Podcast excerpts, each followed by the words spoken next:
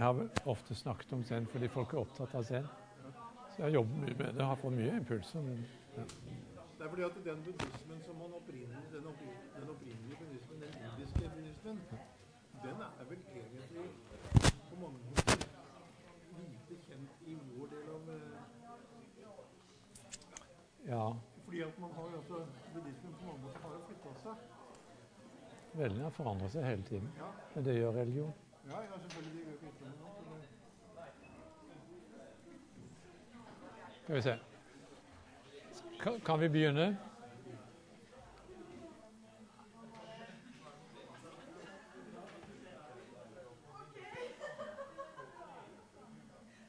OK, folkens. Nå begynner vi.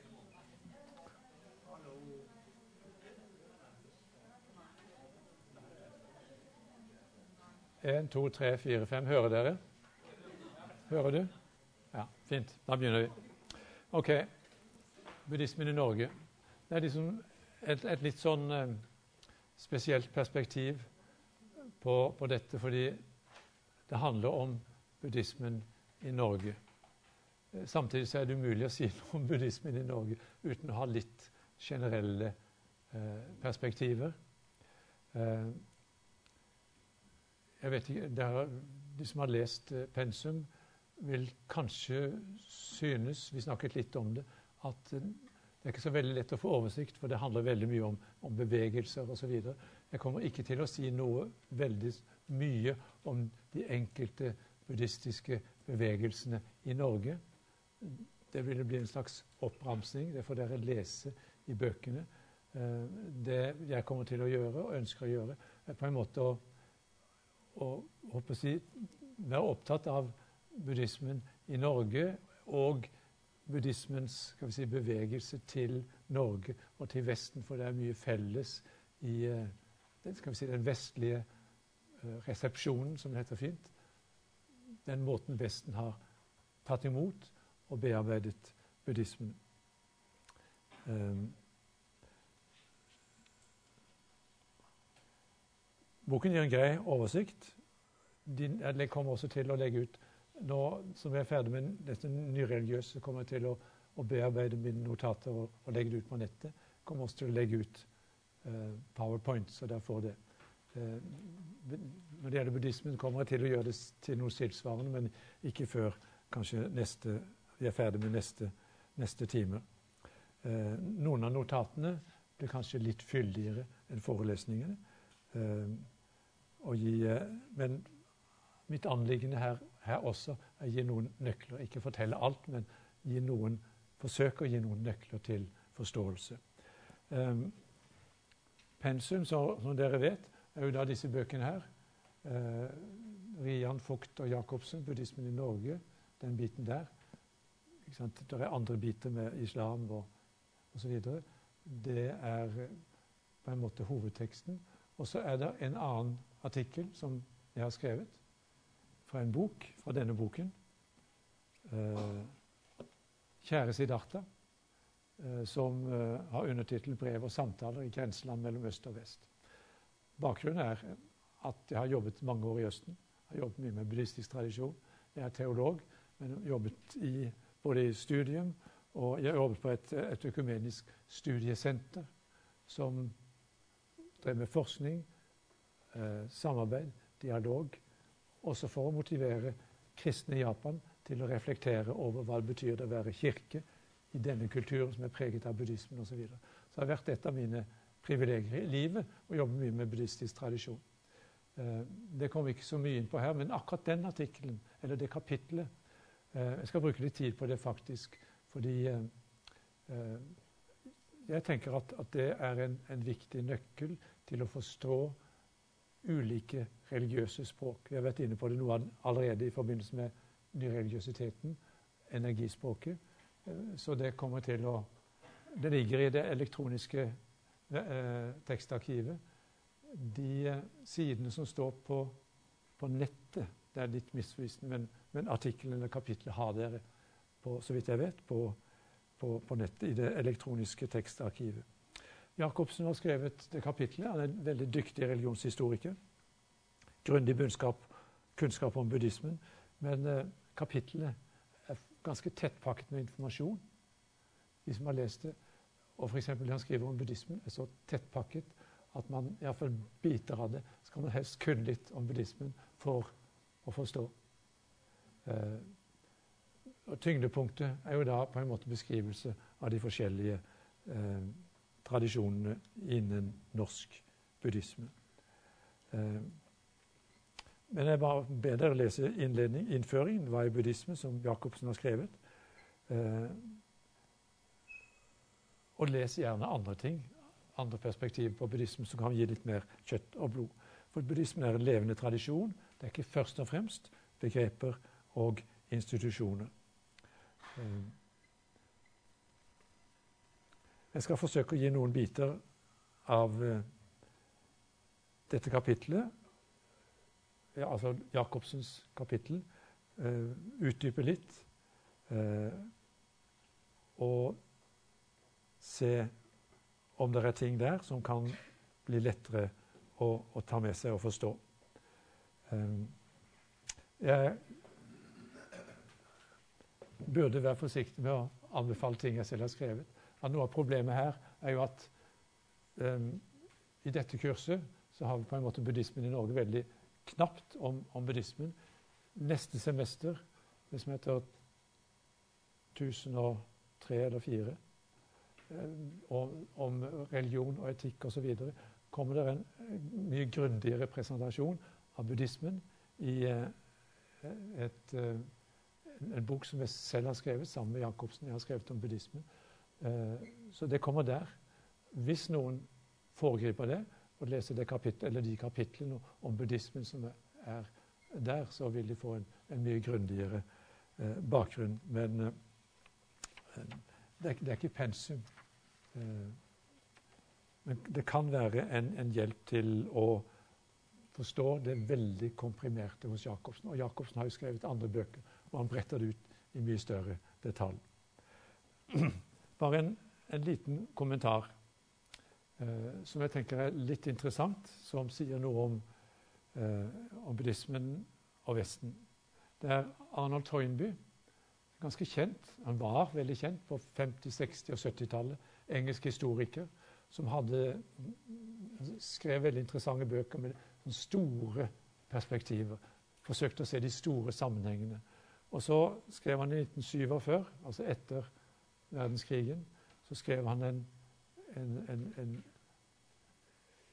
han, han, undret seg, eller forsøkte å se for seg hvordan vil fremtidens historikere beskrive det, 20, det 20. århundre.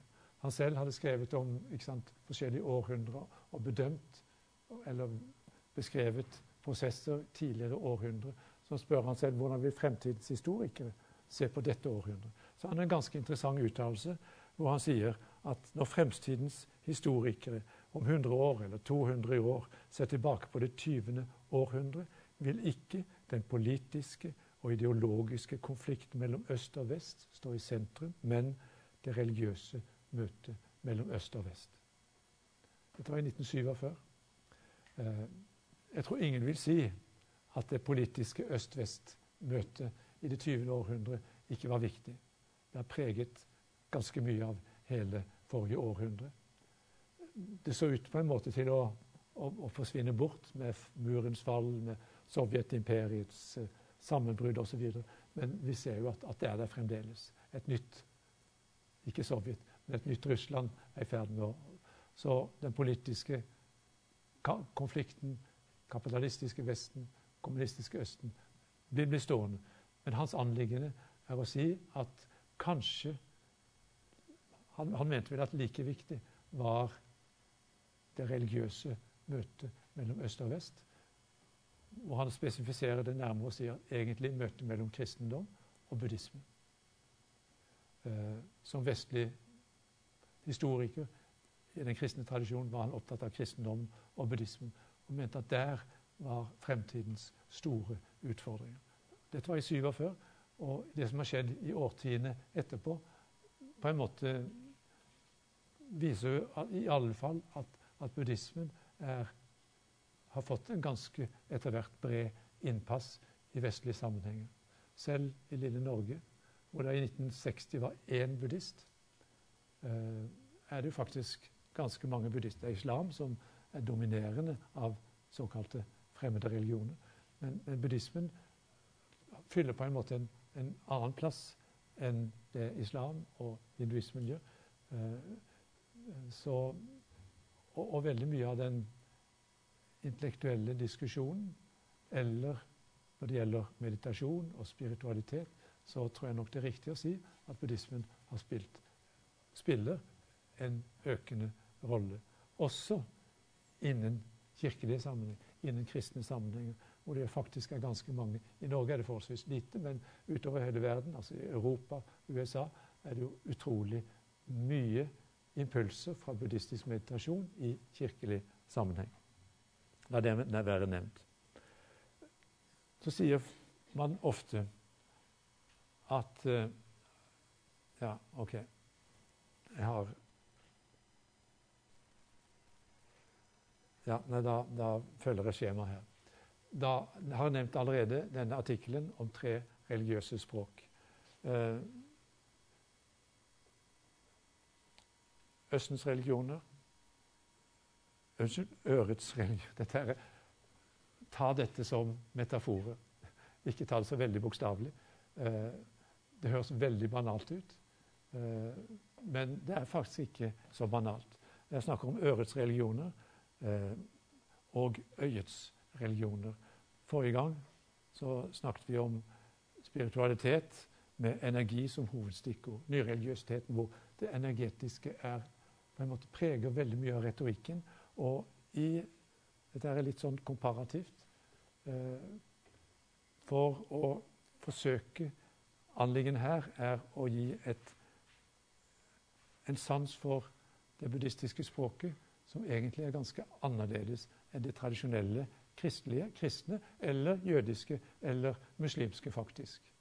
Eh, la meg bare beskrive det litt metaforer som markerer ørets religion. Øret, talen, samtalen ligger i dette. Hvis dere husker de bibelske skapelsesberetningene fra urhistorien, så fortelles det i den første Mosebok Gud sa det blir lys, og så ble det lys. Jeg tror også jeg har lest i, i Koranen når Allah taler, så skjer det. Eh, ikke sant? Det er ordet som skaper hva det nevner. Gud taler, mennesket lytter. Eh, når det tales, og noen lytter, blir det samtale, relasjon. Eh, gjennom hele Gammeltestamentet, hele den jødiske bibelen, så er det utallige fortellinger om denne ørets og samtalens religion. Fortellingen om Adam og Eva i paradis. De har brutt reglene, og Gud vandrer gjennom hagen, og Adam har gjemt seg, og Gud spør Adam hvor er du? Ikke sant? Guddommen taler, og mennesket kommer skjelvende og, og svarer. Og det er tale og svar, så blir det samtale og også ansvarlighet. Eh, tilsvarende neste store fortelling, Kain og Abel, brødreparet hvor den ene dreper den andre så kommer Guds tale til Kain. Kain, hvor er din bror? Kain kreves til ansvar for sin onde handling. Guddommen har hørt blodet som roper til ham fra him, mot himmel, opp i himmelen. Tale stilles til ansvar, eller kreves til ansvar. Fortelles om Abraham fra Ur i Kaldea kalles ut til å gi seg på vandring til et fjernt land. Adam er lydig. Gir seg til et land han ikke aner hvor er, men dermed så skapes i denne fortellingen på en måte det jødiske folk. Abraham er den første jøde som kommer ut av folkemassene, folkene, og blir stamfar. Jødenes stamfar. Eh, tilsvarende Moses. Eh, skal stige opp, utvandre, fridd ut fra fangenskapet gjennom ørkenen fra Egypt og stiger opp på Sinai fjell og mottar, mottar loven. Guds tale, Guds lov, som Moses mottar og bringer ned til folket. Eh, Gud taler, mennesket lytter. Eller profetene. De bibelske profetene. Hva er en profet i bibelsk tradisjon? Det er ikke en som spår om fremtiden først og fremst, men det er en som har et profetøre. Som hører Guds tale, som reiser seg opp, eller står opp midt i folket og sier 'Så sier Herren'. Og så taler de om uretten. Her dyrker dere, her tråkker dere på de fattige og bøyer retten for de svake, samtidig som dere tilber Gud. Gud orker ikke deres tilbedelser. Han orker ikke røkelsen når dere samtidig tråkker på de fattige. Det er profet i den bibelske tradisjonen. Jesus gjør det samme. Hva er det han sier? Ehm, jeg taler, ifølge Johannes Henry, jeg taler det jeg har hørt av min far. Han samler loven i en sum, så sier han du skal elske Herren din Gud av hele ditt hjerte. Du skal elske de neste som deg selv. Det er relasjoner. Alt handler om samtalen og relasjoner. Vi kunne gå videre. Eh, jeg vet at muslimer ikke er veldig glad i bilder, iallfall mange muslimer. Dette er vel fra persisk tradisjon, tror jeg. Eh, metaforer som markerer ørets religion. Mohammed eh, mottar Koranen gjennom engelen Gabriel, som formidler Allahs ord. Koran betyr resitasjon, eller resitere. Han hører Allahs eller via engelen Gabriel, Allahs ord. Det blir skrevet ned, og det, det er resitert, og det blir skrevet ned. Det er ordet. Jeg kunne også nevne en annen, en annen profet, Jesekiel, en ganske interessant fortelling, hvor han mottar en bok. Det er ordet, og som han blir nødt til å spise. Det smaker søtt, men når han taler, så blir det bittert. Det er profetens eh, raseri mot uretten i folk. Eh, massevis av metaforer og bilder som markerer relasjon. Eh, bare oppsummere det på denne måten. Jeg bruker såpass tid på dette fordi det er på en måte en litt sånn bakgrunn for en annen type språk i buddhistisk tradisjon. Ørets religioner, øre. Man lytter. Ordet. Guds tale. Den som lytter, er lydhør. Eh, lydighet er en del av dette. Og det ser man faktisk i europeiske språk. Latin, unnskyld, gresk. Eh, akuen betyr å høre. Hypakue, lydighet. Samme ord. Eh, og tysk. Jeg vet ikke om mange som kan tysk lenger, men høren, lyd, eh, lydighet, er gehorsamkeit. Ikke sant? Det er lytte, lydighet. Eh, så det er relasjoner. Det er samtale, det er svar, ansvar. Også ansvar er også med, ikke sant, med tale, det er svar ansvarlighet. Eh, tro, tillit. Tro i iallfall i kristen, bibelsk og jødisk tradisjon er ikke først og fremst å akseptere påstander. Eh, Holde sannheter for sant, men det, det, er tillit, det er relasjon. Eh, agape betyr kjærlighet. Du skal elske Herren din Gud, du skal elske din neste. Relasjon. Og tyngdepunktet er på en måte det som er imellom. Det er relasjon. Hovedskikkelsen er profeten. Profetens Det som karakteriserer en profet, tror jeg er riktig å si, iallfall i bibelsk tradisjon, det er rettferdighet. At uretten må påpekes, retten må føres frem til seier, forandring av samfunnet. Ganske utadvendt. Og både jødisk, kristen tradisjon og islam sikkert på sin måte handlingsorientert utadrettet. Det er bare den bakgrunnen for da det som er hovedpoenget i denne sammenhengen, buddhismen og, og mange andre religiøse tradisjoner, men i dette tilfellet veldig sterkt buddhismen, øyets religion. Øyets religion. Eh, Buddha, hvis dere mye av dette kan de jo antagelig fra, fra, fra skolen. Eh, noen vet veldig mye om dette, helt sikkert. Men altså det enkle Buddha Selve ordet er jo ikke et, først og fremst et navn, men en ærestittel. Buddha er den som har våknet opp, som har åpnet øynene og ser. Det er øyets religion. Eh, og hele det buddhistiske språket er gjennomsyret av ord og begreper som har med øye å gjøre. Forståelse, klarhet, oppvåkning, innsikt å se. Første av det, Man taler om Buddhas åttefoldige vei. Øverste, det første der er rett, rett syn. Å meditere er ikke å lukke øynene, men det er å ha ikke sånn stirrende utover, men ha et meditativt blikk hvor man øver seg i å se. Se sinnets bevegelser. Se virkeligheten slik den er. Eh, klarhet. Forståelse. I see, said the blind man. Ikke sant?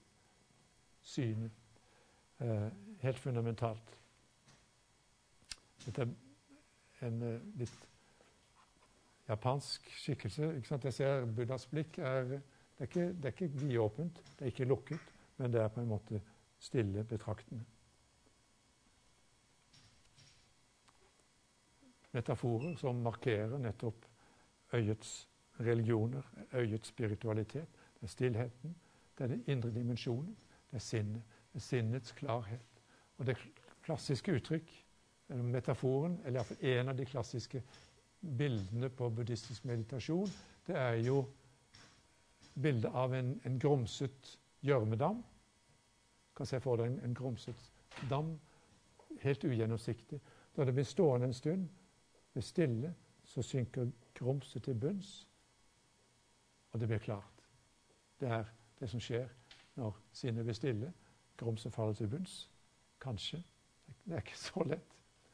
Uh, og man kan se klare. Man kan se motivene. Man ser alt det merkelige som beveger seg i menneskets sinn. Ja?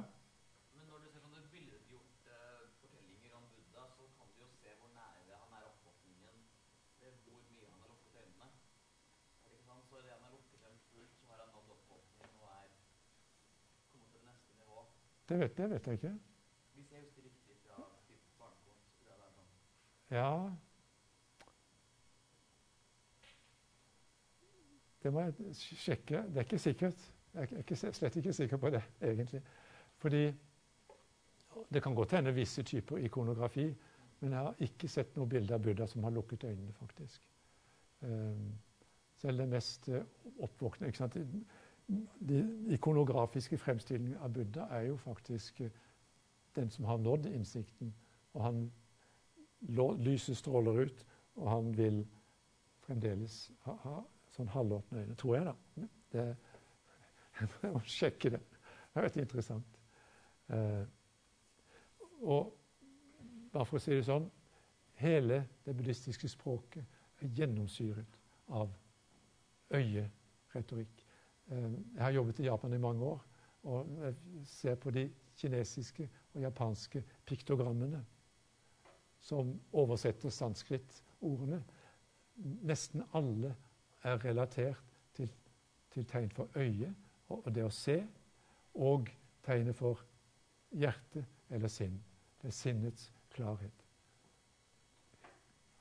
Nesten all, all buddhisme handler om relatert til øyet.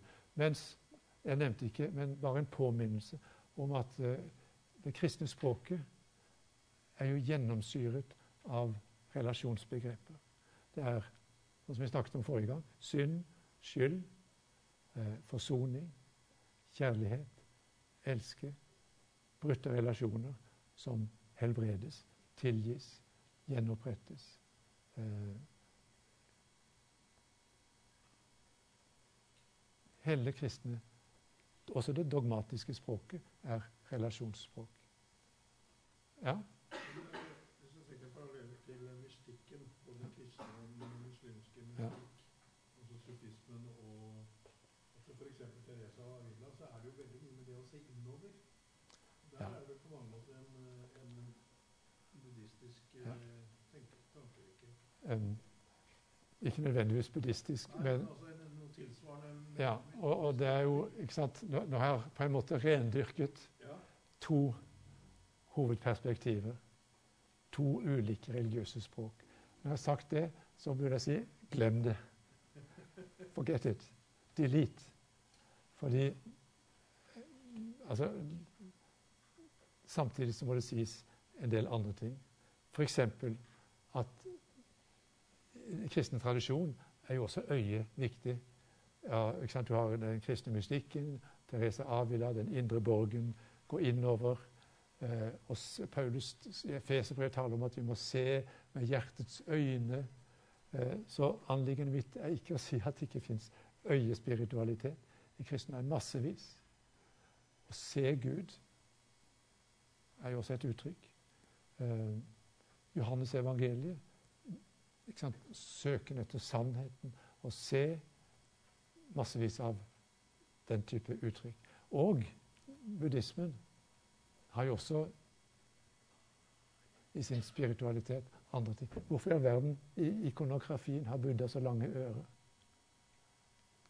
En av de som beskrives, en av de skal vi si, fromme tolkninger er at Buddha også lytter etter menneskeskrik. Ta med denne, denne litt interessante, utrolig vakre skikkelsen fra japansk tradisjon. En liten buddha-statue som vises frem en sjelden gang i Kyoto, og jeg jobbet i mange år. Eh, de fleste buddha-statuer, enten Buddha står eller sitter, eh, av og til ligger han, det er det som før han skal dø, så er Buddha ser fremover.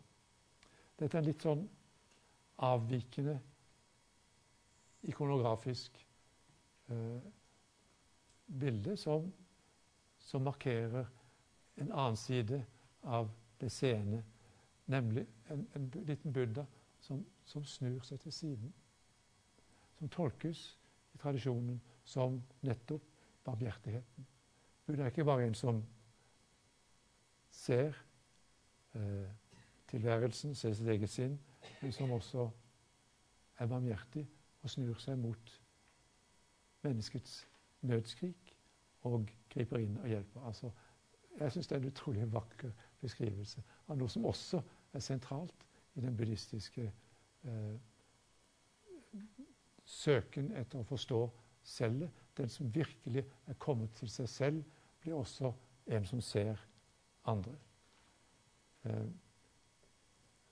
når jeg beskriver si, jødisk, kristen, muslimsk språk som relasjonsspråk, så er det ikke for å si at ikke relasjoner fins i buddhistisk tradisjon. Det fins der overalt hvor mennesker lever, selvfølgelig. Men som det andre steget på en måte i buddhistisk spiritualitet Den første bevegelsen går helt opplagt innover. Med menneskets sinn. Det er å bli stille og forstå og se og få klarhet. Forstå menneskets sinn, komme til seg selv. Men å komme til seg selv i buddhistisk tradisjon er faktisk å oppdage at det fins ikke noe isolert selv. Det fins ikke en isolert ego i mennesket.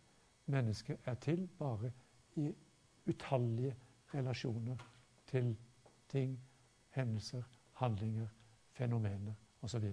Det kommer vi tilbake til. Så relasjonen, medfølelsen, kommer med et veldig tydelig annen, annen del av Eller mange buddhister vil si ikke, ikke at det ikke er annen del, men hvis du har et, et hvitt ark og skriver innsikt, visdom, forståelse um, på den ene siden, klarhet, så, står, så vil det stå medfølelse på den andre siden. Det kan ikke skilles etter buddhistisk tradisjon. Men altså hele språket stort sett gjennomsyret av øyets språk. Og så kan man spørre Ja, La meg bare oppsummere akkurat det jeg har sagt om, om buddhistisk tradisjon. Øyets religion, våkne opp, åpne øynene, oppvåkning, opplysning, innsikt, visdom, gnosis. Gnosis kunnskap. Den indre dimensjonen, hvor hovedskikkelsen ikke er profeten, som skal forandre samfunnet, som skal påpeke uretten, men det er den vise, den som er våknet opp. Så det første skritt, eller som preger, sånn grunnpreg i buddhismen, er jo man trekker seg tilbake til stillhet, til meditasjon, for å få klarhet. Innsikt, men også medfølelse, sinnets forvandling. Og Så kan man spørre, og det får dere tenke videre på selv, kan, det, kan øyet samtale med munnen? Nei, kan øyet samtale med øret og munnen? E- eventuelt i forhold til det vi snakket om tidligere, energispråket. Man taler om Gud som energi. Hele kristne språket i forhold til Guds relasjon er jo også relasjonsspråk. Bønn, tilbedelse, eh, samtale, lytting osv.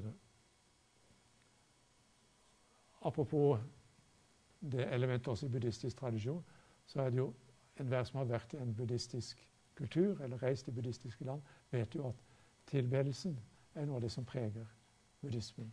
Gjennom Det er noen som sier at buddhismen ikke er en religion. Hvis man reiser i buddhistiske land, er kanskje buddhismen enda mye mer religiøs i sin uttrykksform enn si, kristendom. Bære frem røkelse. Man bøyer seg kanskje prostrasjon. Man bøyer seg til jorden for å tilbe Buddha. En opplyst buddhist vil si at ok, Buddha er ikke en guddom, han er en mester som har vist oss veien. Men for de fleste vanlige buddhister er jo Gud, Buddha, eller de utallige buddhaene, en overmenneskelig skikkelse man kan be til, man kan henvende seg til, man kan be om hjelp. Så der har det også litt av dette relasjonsbegrepet, eller relasjonsaspektet, i, i buddhistisk tradisjon. Er, er det, det for, ta poenget så kan dere bare tenke videre selv og, og se hva dere vil gjøre med det. Ok, La meg ta med dette. Jeg syns det er litt interessant. Eh, jeg har nå i to år samtalt eller korrespondert med, med forfatteren Karsten Alnes, agnostiker. Og jeg som teolog samtalt om Jesu lignelse. Og, og en av de mest kjente er jo da beretningen om den bortkomne sønnen, eller fortapte sønn, som det het i min oppvekst. Eh, det fins en tilsvarende fortelling i buddhistisk tradisjon. Og jeg kommer til å, å, legge inn, for de som er interessert, et kapittel om, om disse to lignelsene.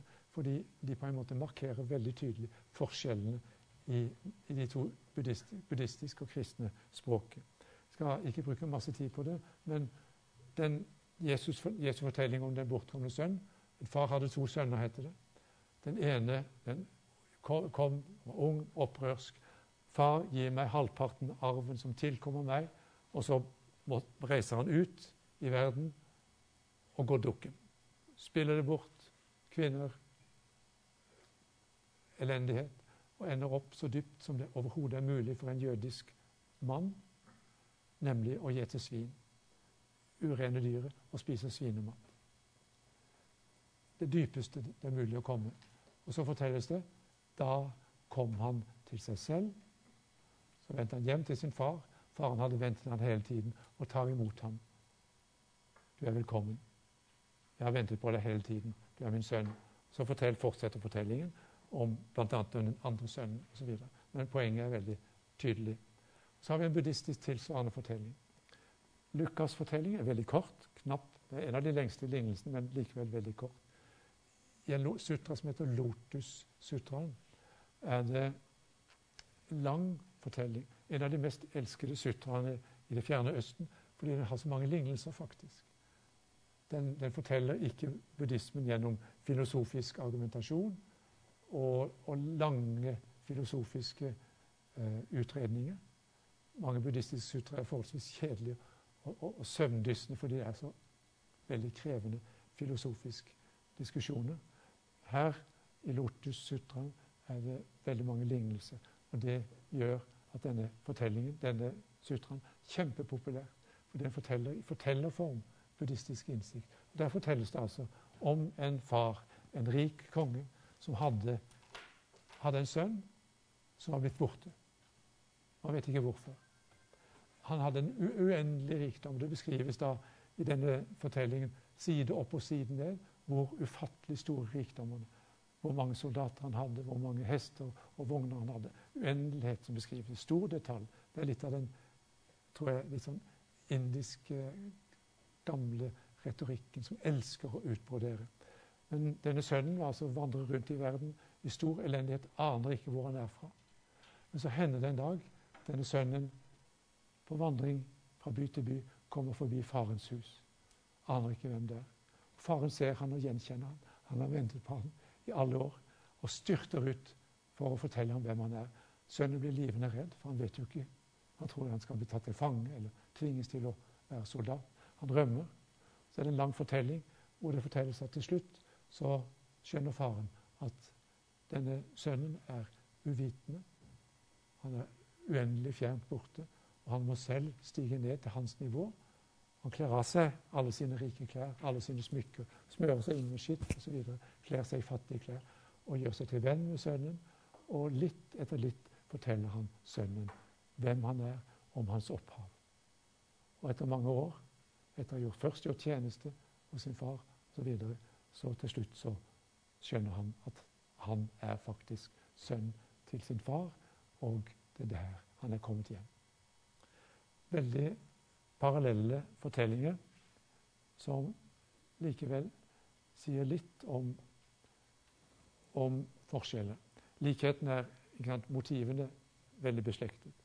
Eh, en far og en sønn som er bort, forsvunnet fra hjemmet. Farens uforanderlige kjærlighet er den samme. Det er et opphav vi fjerner oss fra, som vi glemmer eller vraker eller mister.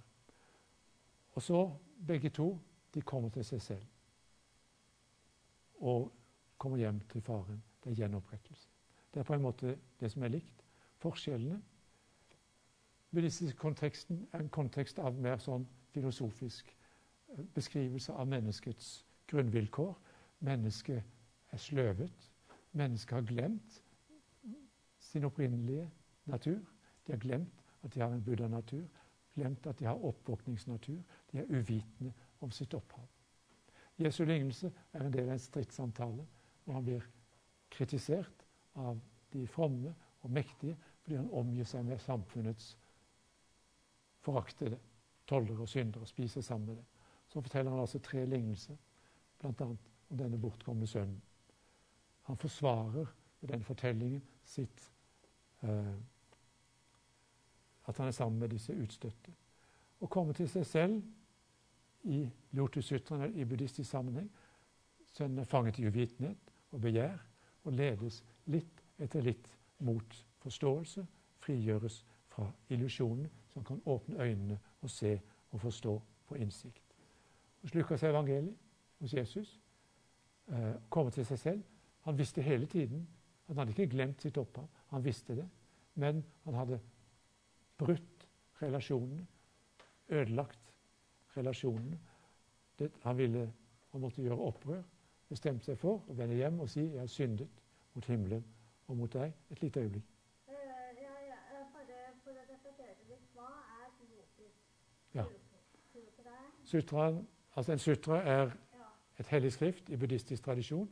Stort sett Buddhas formelt sett formulert som Buddhas taler. Eh, beskrives en scene hvor ja, det skrives en scene hvor det til slutt kommer Buddhas tale. Det er ufattelig mange sutra, og mange av de kan umulig ha vært historisk sett Buddhas tale. Lotus-sutraen er forholdsvis sen, men legges i munnen på Buddha som en, en senere bearbeidelse, tilretteleggelse av grunnelementene i hans lære. Er det greit? Ja. ja. Kjempepopulær nettopp fordi den er så folkelig og forståelig. Eh, hos Lukas så gjenopprettes forholdet. Det er relasjon. Ja. Eh, jeg tenkte det var interessant av og til å knytte det til konkrete fortellinger. Så kan dere selv også liksom fundere litt om om, om, om, dette. Ja, dette er ting vi har vært inne på. Eh, det er massevis av øye i kristen tradisjon. Eh, og det er også energi kristen tradisjon. Det er mye øre og relasjon også i buddhistisk tradisjon. Så, men tyngdepunktet på en måte ligger der, og hele retorikken og språket er preget av dette. Ja.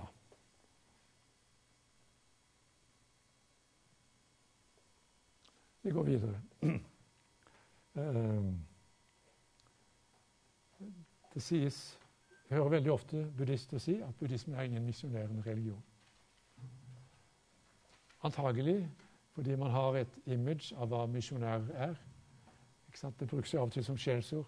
Om en politiker eller en, en eller annen propaganda han er skikkelig misjonær, sier man, og ser for seg en aggressiv forkynner som forsøker å presse sine egne meninger nedover hodet på folk. Eh, buddhismen er ikke misjonerende.